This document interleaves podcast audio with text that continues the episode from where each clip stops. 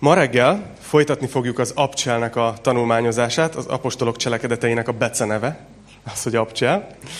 És ha van nálatok Biblia vagy mobil alkalmazás, akkor elő is vehetitek, és oda görgethettek a 16. részhez.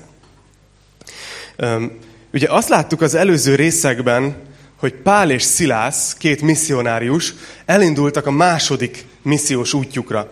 Na, ezt akkoriban nem így hívták, hogy első és második missziós út, hanem egyszerűen bennük volt ez a lelkesedés, amiről az előbb beszéltem, hogy ők akarták a jó hírt továbbadni, akartak szolgálni olyan emberek felé is, akik még nem hittek. És aztán ez a második út, ez már arról szólt, hogy elmentek meglátogatni vissza azokat a gyülekezeteket, amiket az első úton elindítottak. Az első útra se volt nekik kinyomtatva egy Google Maps térkép, hanem egy nagy kaland volt, ahogy mentek, és, és hirdették Jézus Krisztus, ahova csak jutottak. És a második úton egy kicsit más irányba indultak, mert ugye az első missziós úton így mentek, hogy elmentek Ciprus szigetére, és így mentek föl Kis-Ázsia területére. Most a második úton erre indulnak. Tehát gyakorlatilag azokhoz a gyülekezetekhez érnek oda először, akiket utoljára alapítottak. Lisztra, Derbe. És ezt láttuk, hogy utána szerettek volna menni azokhoz a gyülekezetekhez, amit alapítottak le Ázsia területére, de a Szentlélek nem engedte nekik. Nagyon érdekes dolog, pedig bennük volt, hogy akarják bátorítani a testvéreket, de nem engedte. Akkor megpróbáltak menni északra, és arra sem engedte őket a Szentlélek, úgyhogy végül is Troásznak, a tenger partjának neki koppantak, és akkor volt csak az, hogy Isten adott egy látomást Pálnak, amivel gyakorlatilag tudatosította benne, hogy Makedóniába kell menniük. Tehát ott adta ezt a víziót. És figyeljetek, nem tudom, hogy volt-e már olyan GPS-etek, ami azt írta ki, amikor próbáltátok beírni a címet, hogy a térkép akkor fog megjelenni, amikor elindulsz.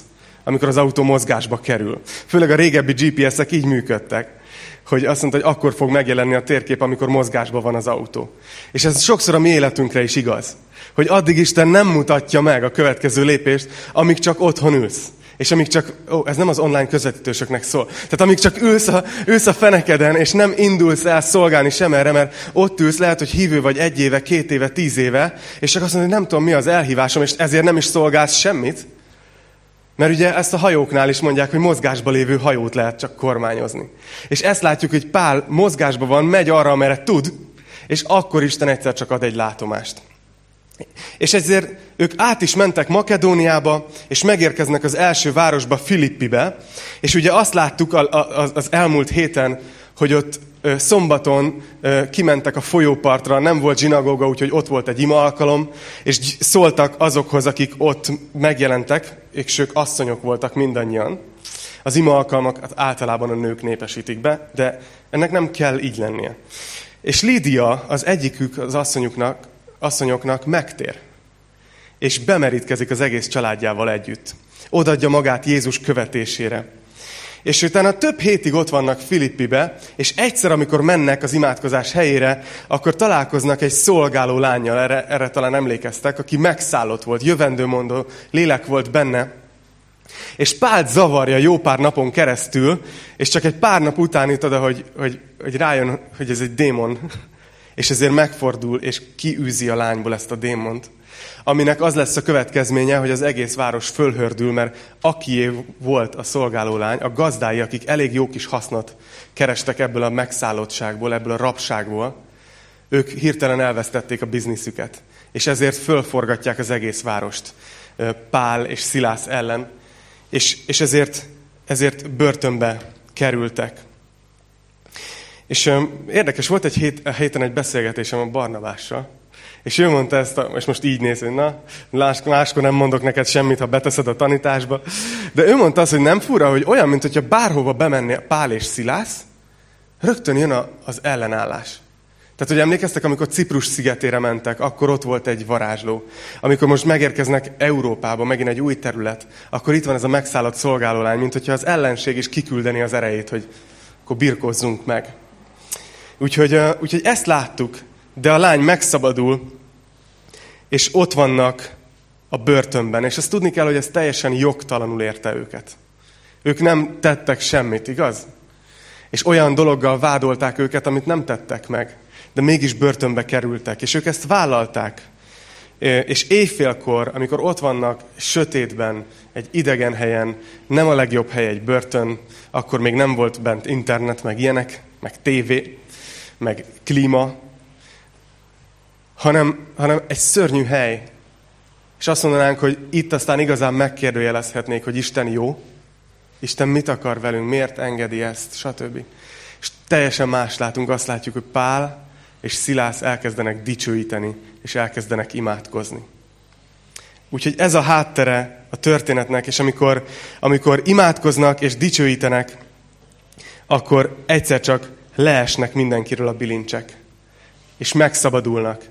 És a börtönőr ezt látva meg akarja ölni magát, mert tudta, hogy ha itt a foglyok elszöknek, akkor ő kapja a halálbüntetést, ami ezekre ki van mérve. És Pál mondja, hogy ne tegyél kárt magadba, itt vagyunk. És ez az ember e- ezen a ponton megtér. És oda jön a börtönőr, és leborul Pál, és Szilász lába elé. Na ez egy fordított jelenet, igaz? Általában nem a börtönőr szokott a, a börtönben lévők előtt leborulni.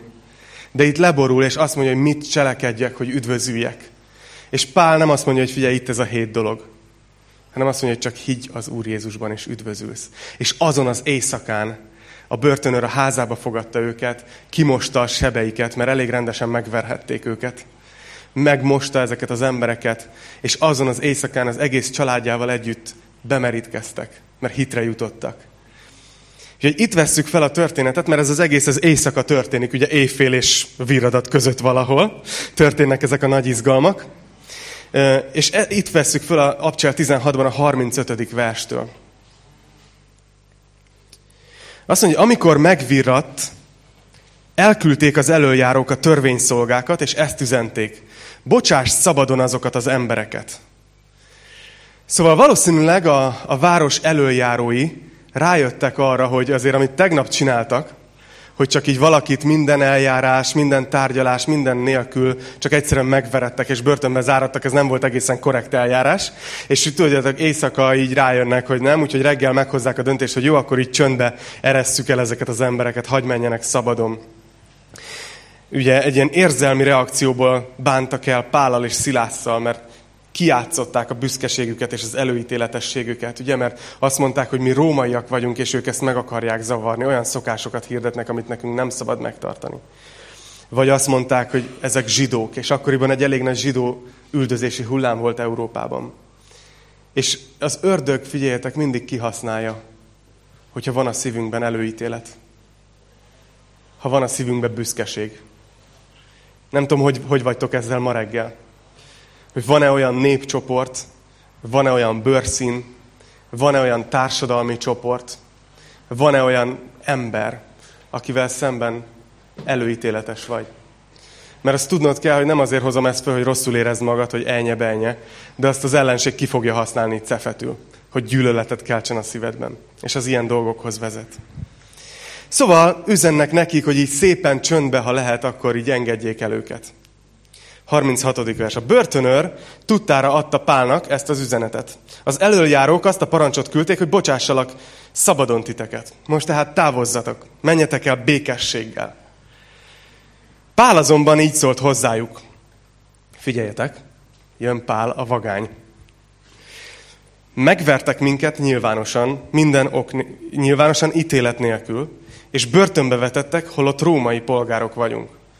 Most pedig titokban akarnak elküldeni minket? Azt már nem. Jöjjenek ide, és ők maguk vezessenek ki bennünket. A törvényszolgák pedig jelentették ezt az előjáróknak. Amikor ezek meghallották, hogy rómaiakról van szó, megijedtek. Hát igen, mert hogy akkoriban római polgárt nem lehetett ítélet és mindenféle eljárás nélkül börtönbe vetni, vagy akár megbotozni. Sőt, megbotozni egyáltalán nem lehetett. Tehát ami történt, az nagyon durva, Annál is inkább, hogy római, ró, római város volt Filippi, de ahogy beszéltük múlt héten, nem, nem római város volt eredetileg, hanem ők megkapták ezt a jogot, hogy római város legyenek. Tehát ők szerintem nagyon vigyáztak erre, hogy ez, ez meg is maradjon nekik. Tehát itt, amikor kiderül, hogy ők nagyon súlyosan szembe mennek a római joggal, azzal, hogy megverték ezt a két embert, akkor kicsit rezeg a léc, hogy most mi lesz. Hogy most azt mondja, hogy nagyon megijedtek.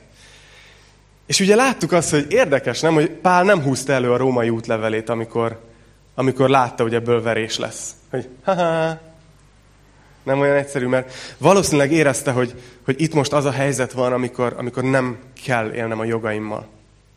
Mert Isten valamit most csinál. Valamit érzett a szellemében, hogy itt Isten valamire készül.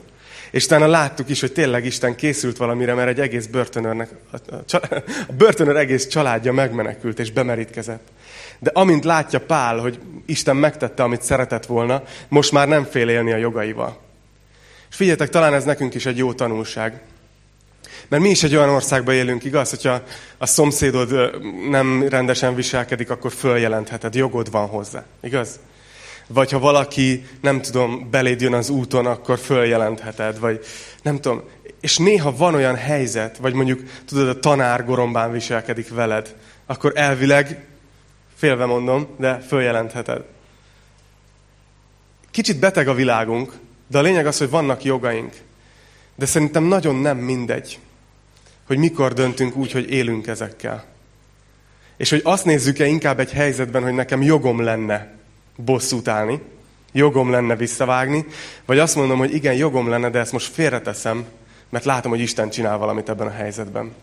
És Pál ezt tette. De itt viszont már elővette a római útlevelét. És nagyon megijednek. Nagyon megijednek. És gondolkoztam ezen, hogy vajon miért csinálta ezt Pál? Hogy nem, azért ne, valljuk be őszintén, amikor így, egy, felolvassuk ezeket a mondatokat a Bibliából, akkor jól esik, nem? Hogy így, hogy így azt mondja Pál, hogy megvertek ítélet nélkül. Hm?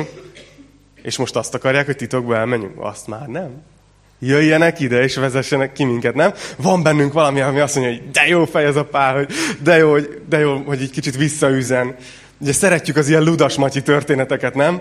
Háromszor verik enden Ludas Matyi vissza. Pál nem akarta visszaverni, de minden esetre jól esik, amikor valaki egy kicsit így, így odaszól és él a jogaival. De én ezen gondolkoztam, hogy készültem, és imádkoztam is ezért, hogy, hogy miért csinálta ezt Pál. És én, és, és én erre jutottam, hogy ugye, mint római polgár, ő vele éppen elvált, elbántak jogtalanul. Tehát ő fellebbezhetett volna a császárhoz, vagy mehetett volna feljelenteni a filippi város vezetőket, hogy őt, mint római polgár, bántalmazták. Megtehette volna. Valószínűleg ezért ijedtek meg annyira a városvezetők, amikor kiderült, hogy mi van. És Pál tudta, hogy tovább fog menni ebből a városból. Tehát ő, ő neki nem volt érdeke az, hogy most itt följelentgetsen városvezetőket, de az viszont, azt viszont szerette volna elérni valószínűleg, hogy akik ott frissen megtértek, ott van Lídia és a családja, ott van a börtönőr és a családja, és a kis filippi gyülekezet, ami éppen kialakult, hogy velük ne nagyon packázzanak ebbe a városba. Tehát szerintem ez is vastagon benne volt abba, hogy Pál azt mondja, jó, hogy jöjjenek ide a városvezetők, és ők vezessenek ki minket. És azt mondja 39. versben, hogy mit csinálnak a vezetők. Oda mentek, és bocsánatot kértek tőlük, majd kivezették őket, és kérték, hogy távozzanak a városból.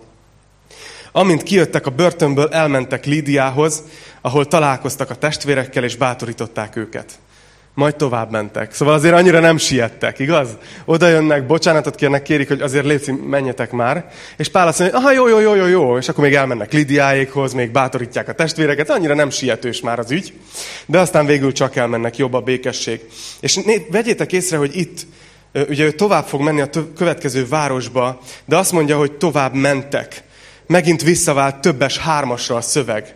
Korábban is így írt Lukács, de aztán egy ideig úgy írt, hogy többes egyes, hogy mi ide mentünk, mi oda mentünk, és itt megint visszavált arra, hogy többes hármas. Tehát úgy tűnik, hogy Lukács doktor itt marad ebben az új gyülekezetben. Valószínűleg azért, mert szükségük volt még, még tanításra, szükségük volt még bátorításra. Úgyhogy Lukács itt marad Filippiben, és Pál megy tovább, és a tím Szilásszal és Timóteussal az élen. És ezt látjuk, hogy miután áthaladtak Amfipoliszon és Apollónián, Tesszalonikába értek, ahol zsinagógájuk volt a zsidóknak. Szóval itt rácsatlakoznak egy olyan útra, ami egy, egy jelentős római út volt. És figyeljétek meg, hogy nem azt csinálják, hogy, hogy, hogy mint a MÁV, tudod, hogy minden megállóhelyen és állomáson megáll, hanem, hanem ők így céltudatosan átmennek a kisebb városokon, és, és Tesszalonikába mennek a nagyvárosba. Tesszaloniki az ma is egy, egy nyüzsgő és nagy város, és oda mennek, gyakorlatilag ez három napos gyalog út volt, és ott kezdenek el újra, újra szolgálni. És Pálnak ez a stratégiája is volt, úgy látom, hogy, hogy kihasználta a római utakat, és a római utak mentén nagyvárosokban alapított szolgálatokat, gyülekezeteket, mert tudta, hogy onnan aztán ki fog menni az Isten igéje másfele. Ez ma is egy jó stratégia, de a legjobban kiépített útrendszer az az internet. Ezt kell, hogy mondjam. Több helyre elvisz, mint a betonutak. És itt volt egy zsinagóga, és ugye Pál ezt csinálta a szolgálatában, hogy mindig, mindig azok felé kezdett el szolgálni, akik a legjobban előkészítettek voltak az evangéliumra. Ahol volt zsinagóga, ott a zsidókkal kezdtem, mert ők ismerték az írásokat. Ahol nem volt zsinagóga, ott lement egy ima alkalomra a folyó partjára. Tehát, hogy látjuk ezt a mintázatot a szolgálatában, és itt most van zsinagóga, úgyhogy oda megy. Nézzük, mi történik. 17. rész, második verse. Pál pedig szokása szerint bement hozzájuk, és három szombaton is vitába szállt velük az írások alapján. Megmagyarázta és bizonyította nekik, hogy a Krisztusnak szenvednie kellett, és fel kellett támadnia a halálból. Hogy, és hogy ez a Jézus a Krisztus, akit én hirdetek nektek. Szóval Pál bemegy a zsinagógába. Képzeljétek magatok elé, jó?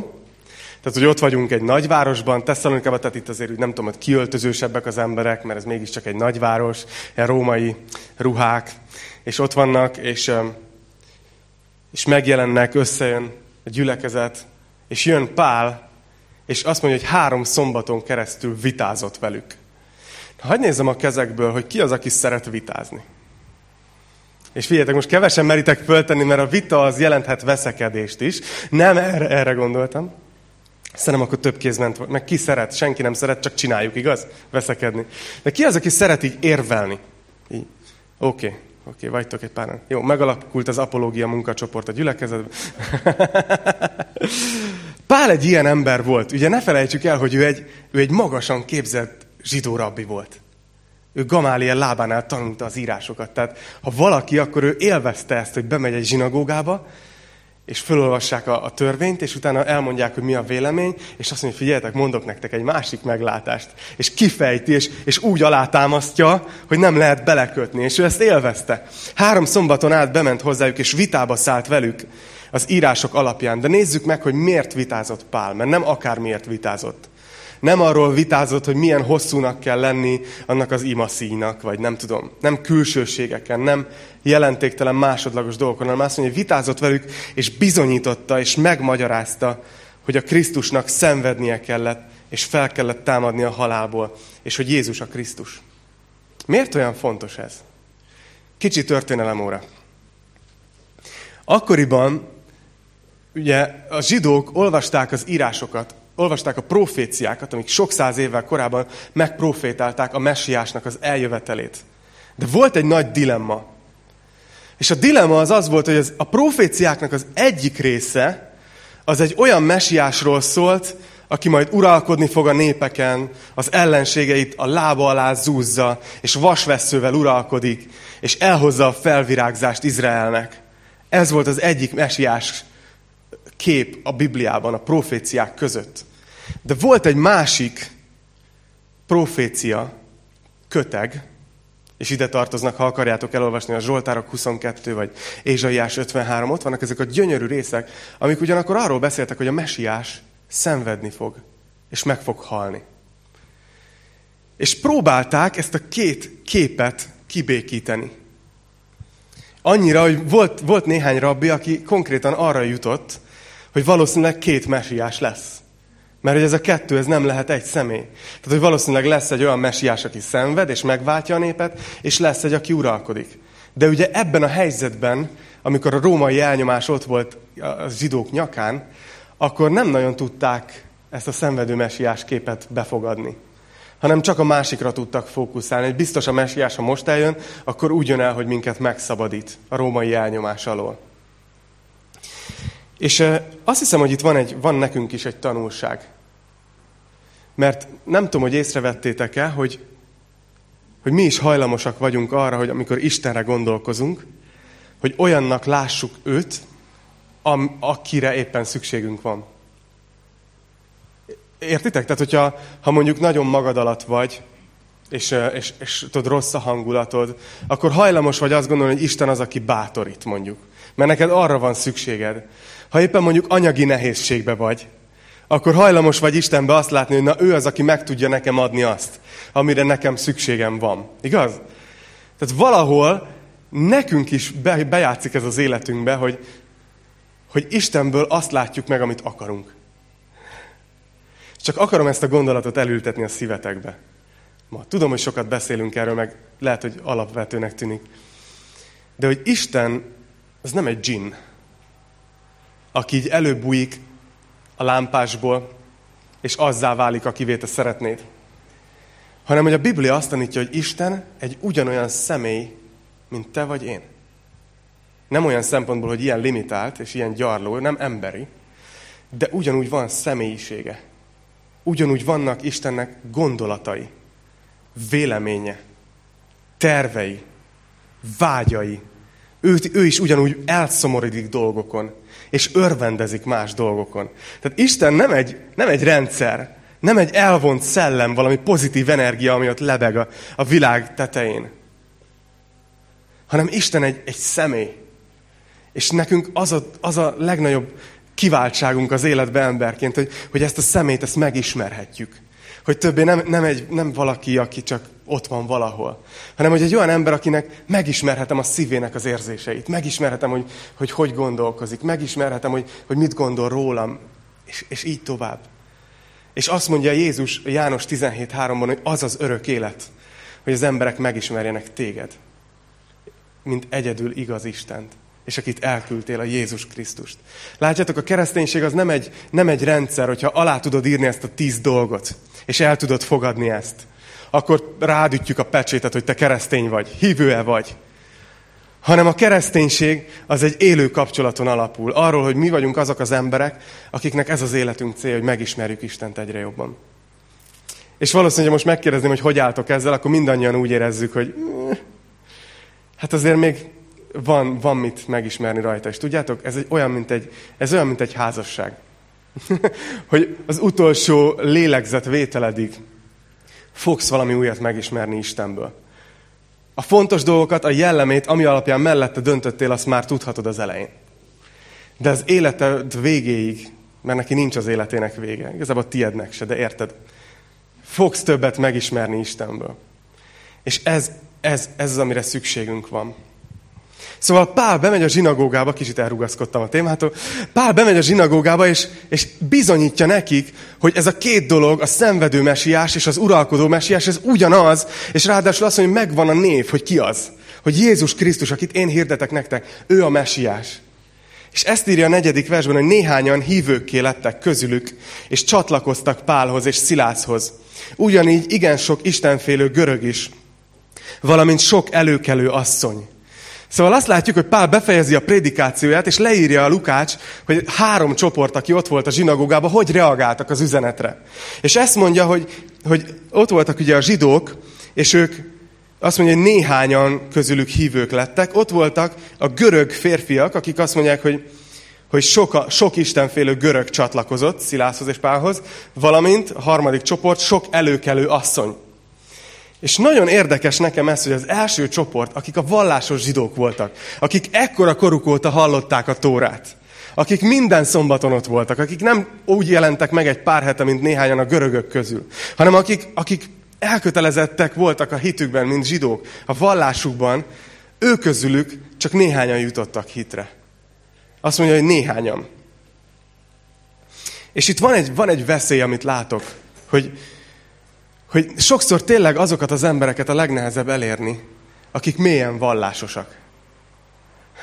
Tudjátok miért? Mert, mert amikor az ember, ember vallásos, akkor kialakul egyfajta, egyfajta szentimentalizmus hogy ragaszkodsz bizonyos dolgokhoz, mert mindig is így csináltuk. Mert ez a szokás, mert a nagyapám is így csinálta. És nem is tudod megmagyarázni az agyaddal, és már nincs is ott az igény rá, hogy megmagyarázd, de csinálod, mert, mert, mert ragaszkodsz ehhez, ez adja neked a biztonságot, érthető okokból. És hogy ezért van az, hogy, ezért van az, hogy sokszor mély vallásos embereknek a legnehezebb Jézus Krisztusról beszélni, és arról, hogy élő kapcsolat Istennel. Mert, mert, mert neki elég az, amit megtapasztalt eddig és nem akarja hagyni, hogy a Biblia formáljon rajta még egyet. És Isten mutasson még egyet az ő oldalából, még egyet az ő arcából. És aztán ott vannak a görögök, akik pedig valószínűleg azért voltak a zsinagógában, meg kiábrándultak ebből a sok görög filozófiából. És ott vannak, valami vonza őket, és amikor Pál megjön és elmagyarázza, hogy az írások beteljesedtek, akkor azt mondják, hogy mi hiszünk. Mi hiszünk neked. És azt mondja, hogy igen, sokan. És ezek az asszonyok is, görög asszonyok. Na nézzük, mi volt a zsidók reakciója. Azt mondja, hogy ez irítséggel töltötte el a zsidókat. Irítség. Irítség. Ez egy nehéz dolog. Ugye beszélünk róla. Ezért maguk mellé vettek a piaci csavargók közül néhány hitvány embert, csődületet támasztottak és fellármázták a várost. Felvonultak Jászon házához, és ki akarták vezetni Pálékat a népgyűlés elé. Amikor nem találták ott őket, Jászont néhány testvérel együtt a város előjárói elé hurcolták, és így kiáltoztak. Ezek, akik az egész világot felforgatták, itt is megjelentek. Szóval ezt látjuk, hogy, hogy megint, mivel a zsidókban irítség támadt, ezért ők odaviszik Pált és Szilászt, oda vinnék, csak nem találják őket a szállásukon Jászon házában, ezért Jászont odaviszik a városi tanács elé. És ezen gondolkoztam ez, ennek kapcsán, hogy, hogy eszméletlen, hogy mennyi dolgot el tud bennünk végezni az irítség. Nem tudom, hogy, hogy hányan küzdötök ezzel. De lehet, hogy ahogy beszélek róla, rájöttek, hogy igen. Hogy bennünk van emberként, nem? Hogy, hogy kicsit elkezdünk irigykedni másokra. Hogy a másiknak miért van jobb munkahelye. Hogy a másiknak miért alakult már ki a lakhatása. Hogy a másiknak miért jobb a házassága. Hogy a másiknak miért tökéletesek a gyerekei.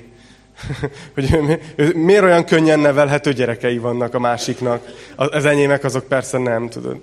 Tudod, a másiknak miért van az, hogy az én életkoromban már annyival messzebbre jutott az életbe.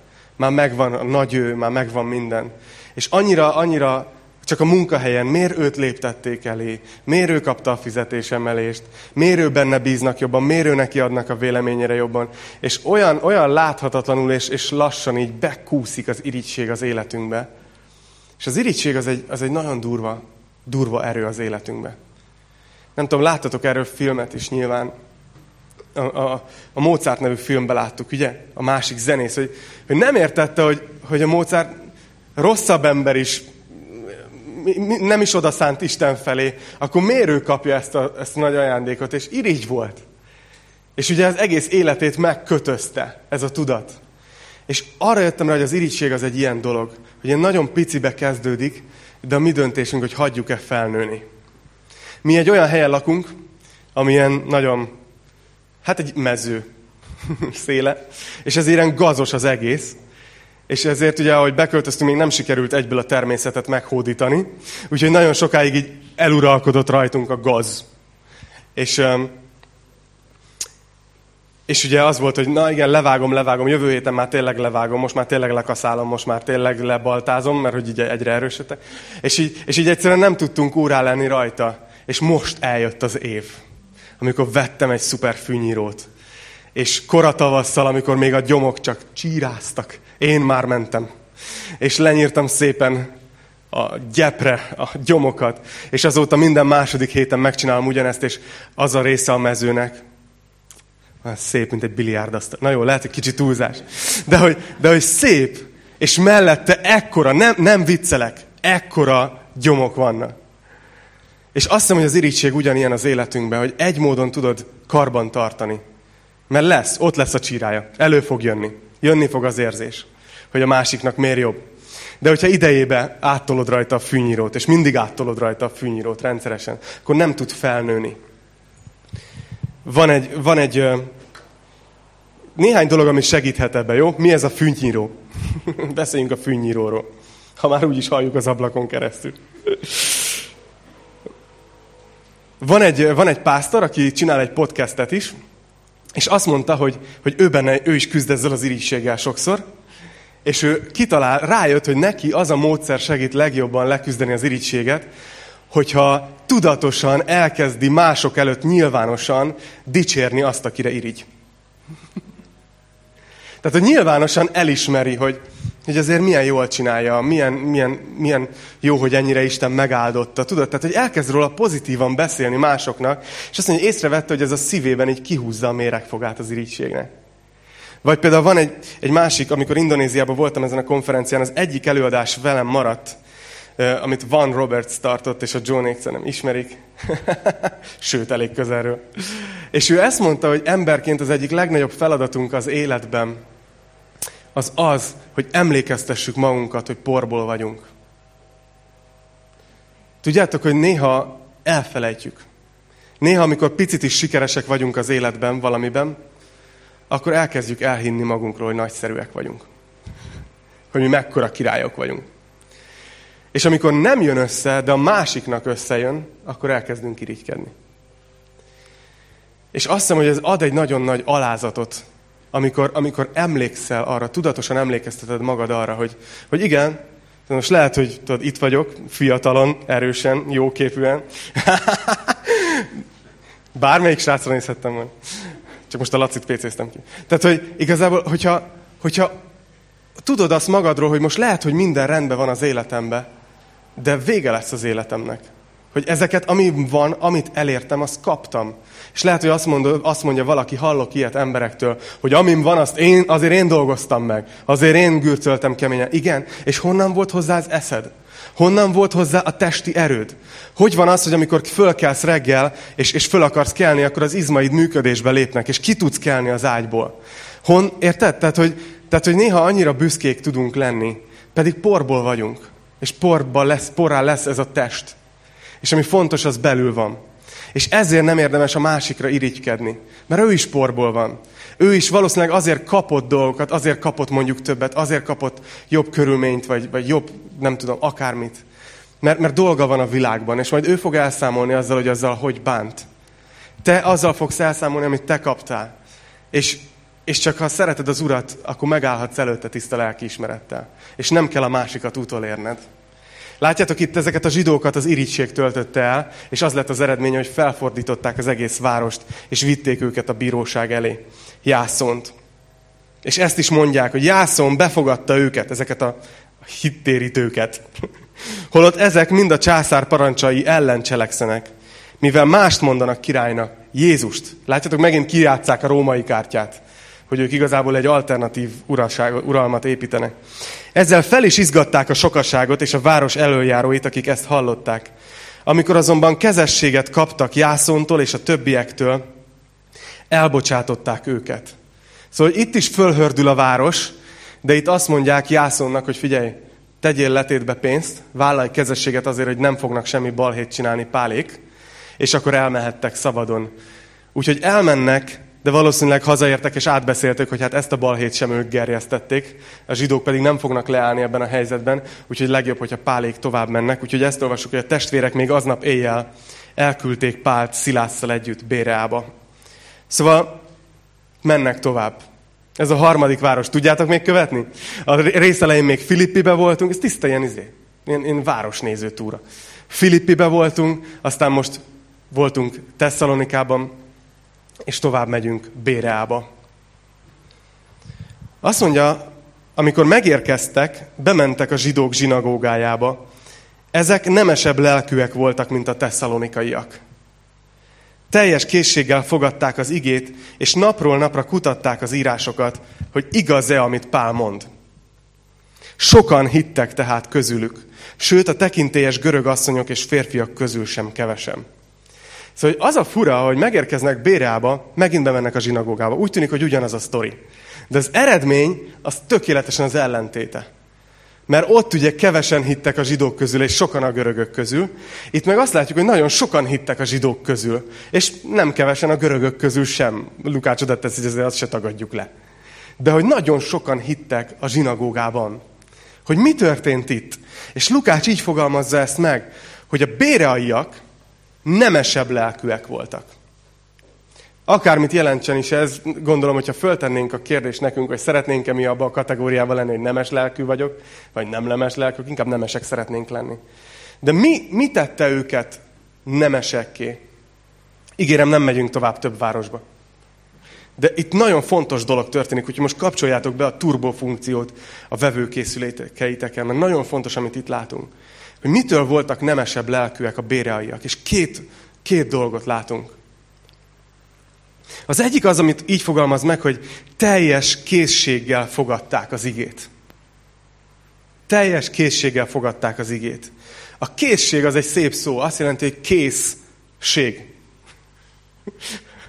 Hogy ők készen voltak arra, hogy, hogy az igét azt ne csak hallgassák, hanem hogy fogadják. Ugye van a között különbség, amikor valakinek csak mondasz valamit, vagy át is megy. Vagy amikor mondjuk kapsz levelet a, a postán ajánlottat, ami állítólag a... olvastam a Facebookon egy ilyet, hogy, hogy mit jelent az ajánlott levél, azt jelenti, hogy hm, kivisszük. A normál levél azt jelenti, hogy ha arra járunk.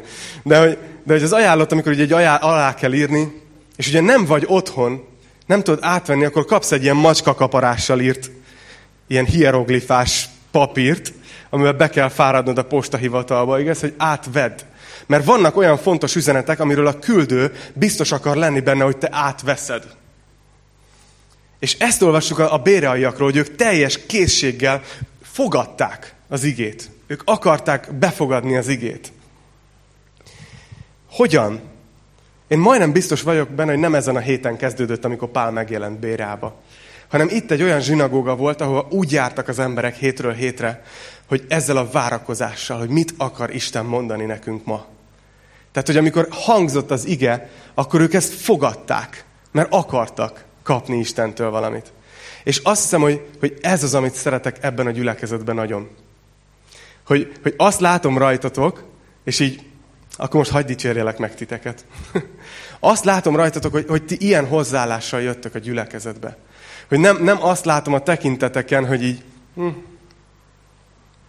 mikor megyünk már kávézni, hanem hogy azt látom, hogy, hogy egy várakozást látok a szemetekben, amikor, amikor kiállok tanítani. És higgyétek, hogy ez egy hihetetlenül jó érzés, de nem az a célja az egésznek, hogy én jól érezzem magam, hanem ez nagyon-nagyon jó nektek. Tudjátok miért? Mert ez a dolog, ez a teljes készséggel fogadni az igét, ez, erről Jézus is beszél, hogy mennyire fontos. Nem tudom, emlékeztek-e a, a magvető példázatára, amit a Márk 4-ben és más evangéliumokban is le van írva, hogy, hogy Jézus egy nap elment és tanított valahol, és mondott egy példázatot, és azt mondta, hogy kimegy a magvető vetni, és szórja a magot. És azt mondja, hogy van olyan mag, ami az út szélére esik, és, és felkapkodják a madarak, és elviszik. És aztán van, van olyan mag, ami, ami a sziklás talajra esik, és hamar, hamar kihajt, de aztán amikor jön a, a napfény, akkor elszárad, mert nincsen mély gyökere. És azt mondja, van a harmadik, amikor, amikor a tövisek helyre, tehát a gyomos helyre, na ilyen nálunk van bőven. Oda esik a mag. És azt mondja, hogy meggyökerezik, és gyönyörűen zöld el a növény, de mivel más magok is vannak ott, más tövisek, ezért megfojtják, és nem tud gyümölcsöt teremni. És azt mondja, van a jó föld bevetett mag, ami pedig ter- termést hoz, sokszorosat. Sokszorosat. És nagyon érdekes, amit ott látunk, hogy, hogy amikor Jézus ezt a példázatot elmondja, akkor vannak, akik így azt mondják, hogy na, engem ide elhoztak, azt mondták, hogy valami jó tanítás lesz, valami jó előadás, erre mezőgazdasági leckét tart egy ács. És hazamentek. De voltak néhányan, akik viszont oda mentek Jézushoz, és azt mondták, hogy mit jelent ez a példázat? És Jézus ránéz ezekre az emberekre, akik oda mentek, és többet akartak tudni. Látjátok ezt a teljes készséget? És azt mondja, hogy nektek megadatott, hogy értsétek az Isten országának a titkait. Mert ti akarjátok fogadni az igét. És ez, ez fontos, ez a magvető példázata, nem azért, hogy bárki kárhoztassa magunkat, hanem szerintem segít így beazonosítani, hogy mi van bennünk. Hogy sokszor az van, hogy, hogy, hogy tényleg az út félre esik a mag.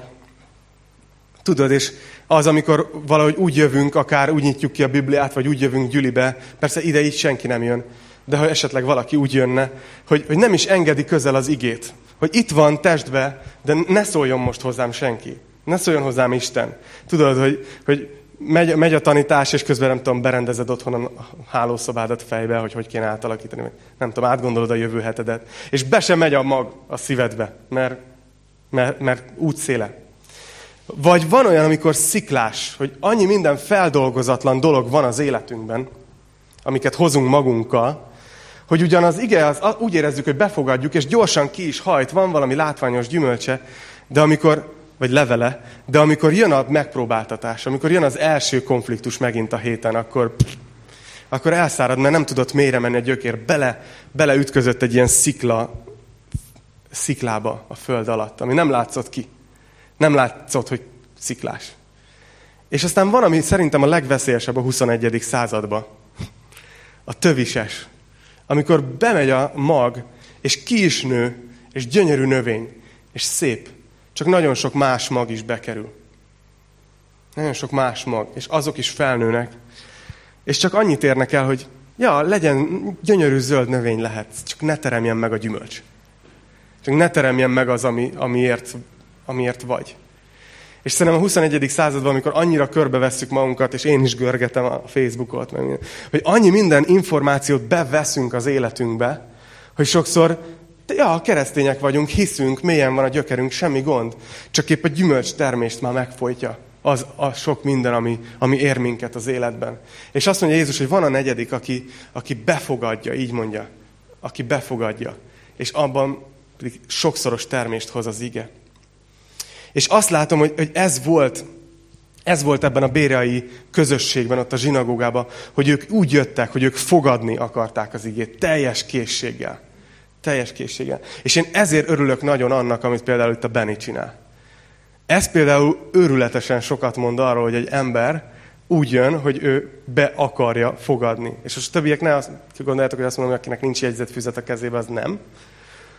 De nagyon sokkal nagyobb az esélye, hogy megjegyzet, hogy miről volt szó, ha jegyzetesz. Az én unokaöcsém. Ne, csak... Azt mondja, hogy a második dolog, és ezzel fogom befejezni, hogy napról napra kutatták az írásokat, hogy igaz-e, amit Pál mond. Látjátok, hogy ez is beletartozott a nemes lelkűségükbe. Nem csak az, hogy teljes készséggel fogadták az igét, hanem az is, hogy, hogy ők utána elmentek, és lecsekkolták, hogy igaz-e, amit mond Pál. És nagyon tetszik, hogy Pál nem azt mondja erre, hogy csoda, hát én vagyok a felkent apostol, hát én vagyok a nagy tanító, mit ellenőrizgetsz, nebuló? Hanem azt mondja, hogy nagyon örülök, hogy ilyen emberek hallgatnak, akik nem nekem hiszik el, hanem utána elmennek és utána néznek. És azt mondja, hogy kutatták az írásokat. Az nem egy ilyen föllapozom, és ahol kinyílik, hanem ők kutatták. Ők, ők bele akartak menni, hogy tényleg így van. És megnézték az idézett igeverseket, tudod? És utána megnézték a referenciába, hogy az hova mutat. És összeállt a kép, és meggyőződésre jutottak. És Pál örült ennek, és Lukács azt mondja, hogy nemes lelkűek. Tudjátok miért? Mert ha ha valakinek csak mondasz valamit, és ah, azt mondja, ó, nagyon jó, szuper, elhiszem, de nincs mögötte ez, hogy, hogy akkor kikutatom, hogy tényleg így van-e. Akkor lehet, hogy jön egy következő tanító, vagy egy következő valami, és annak ugyanúgy elhiszi lelkesen. Látjátok, hogy azt mondja, hogy ők nemes lelkűek voltak, mert ők, ők nem csak Pál kedvéért hitték el, hanem, hanem meggyőződésre jutottak, hogy igaz, amit mond Pál.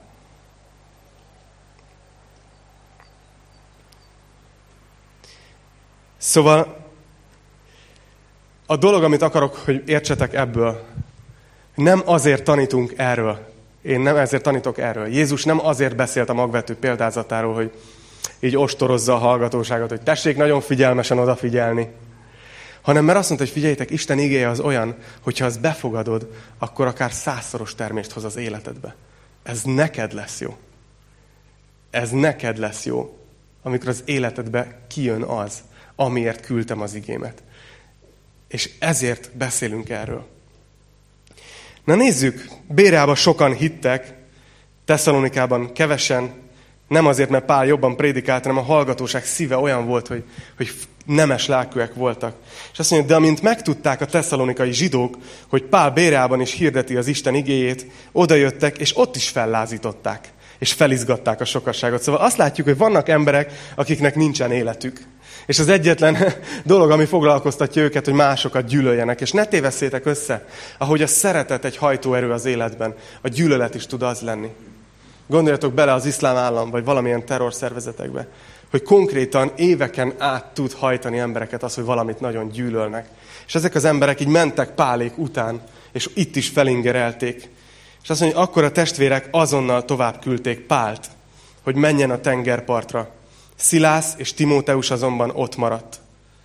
Szóval azt látjuk, hogy, hogy itt megint egy olyan rövid idő van Bérában, hogy Pálnak megint mennie kell tovább, és ezúttal néhányan elkísérik, de a csapatból egyedül megy tovább. És, és ott hagyja Szilászt, és ott hagyja Timóteust, hogy ők még tanítsák ezt a nagyon-nagyon fogadókész gyülekezetet Béreában, ami ott megszületett. És azt hiszem, hogy itt, itt Pálnak a leges legmagányosabb órái következnek. A leges legmagányosabb napjai. És ezt látjuk is a következő versben. Azt mondja, Pált pedig elvitték a kísérői egészen Aténig, majd visszatértek azzal az utasítással, hogy Szilász és Timóteus minél hamarabb menjen hozzá. Látjátok, hogy Pál odaért Aténbe, de azt mondta, hogy amint csak tudtok, gyertek srácok, mert most itt azért szerintem Pálnak kezdett elege lenni ebből, hogy mindenonnan tovább kell menekülnie. És, és háborgott a lelke Aténben, ezt fogjuk megnézni a jövő héten, hogy miért, és hogy hogy lépett túl ezen. Azt a, a tanításnak azt a címet adtam, hogy figyelem, figyelem. Mert ugye, amikor ben vagy egy bevásárlóközpontba, és mondjuk hallod a hangos bemondón ezt, akkor tudod, hogy valami, valami fontos információ van. Lehet, hogy éppen a te gyereked veszett el, és várja a szüleit az információnál. Vagy nem tudom, hogy hányan voltatok reptéren, és ugye amikor mondják azt, hogy tudod, XY nevű utasunkat mond, kérjük ehhez a kapuhoz, ez az utolsó hívás, magyarul a gép mindjárt elindul, mindjárt becsukódik az ajtó, akkor nagyon fontos. És Isten igéje olyan az életünkben, mint egy hangos bemondó. Hogy, hogy csak, csak ha könnyelműek vagyunk, akkor csináljuk azt, hogy, hogy ah, valamit mondanak, de mi van, hogyha a te gyereked, tudod? Tehát hogy a, a hangos bemondóra mindig érdemes odafigyelni. És figyelem, figyelem. Na jó van, befejezem ezt a tanítást, mert három óra múlva indul a gépem. És nem akarom, hogy utolsó hívás legyen belőle. Imádkozzunk. Úr Jézus, köszönöm neked azt, hogy te tanítasz minket az igéden keresztül, és mindig élővé teszed számunkra. És arra kérlek, Uram, hogy mindenki, aki itt ül ebben a teremben, és mindenki, aki hallgatja ezt bármilyen formában, Uram, kérlek, hogy formáld a szívünket jó földé, hogy, hogy lehessünk mi is nemes lelkűek egyre inkább, és én is szeretnék ilyen lenni, Uram, előtted, hogy, hogy bármit mondasz, akkor azt akarom teljes készséggel fogadni. Uram, imádkozom, hogy tölts be minket a lelkeddel, ahogy megyünk a szolgálati területünkre ezen a héten is. Imádkozom, hogy Te legyél velünk a Te szent lelkeddel, a Te jelenléteddel. És imádkozom azért, Uram, hogy, hogy Te, hogy Te legyél az életünk központjában. Tudjunk rajtad tartani a szemünket minden nap. A Te nevedben imádkozunk a testvéreimmel együtt ezért. Amen. Amen.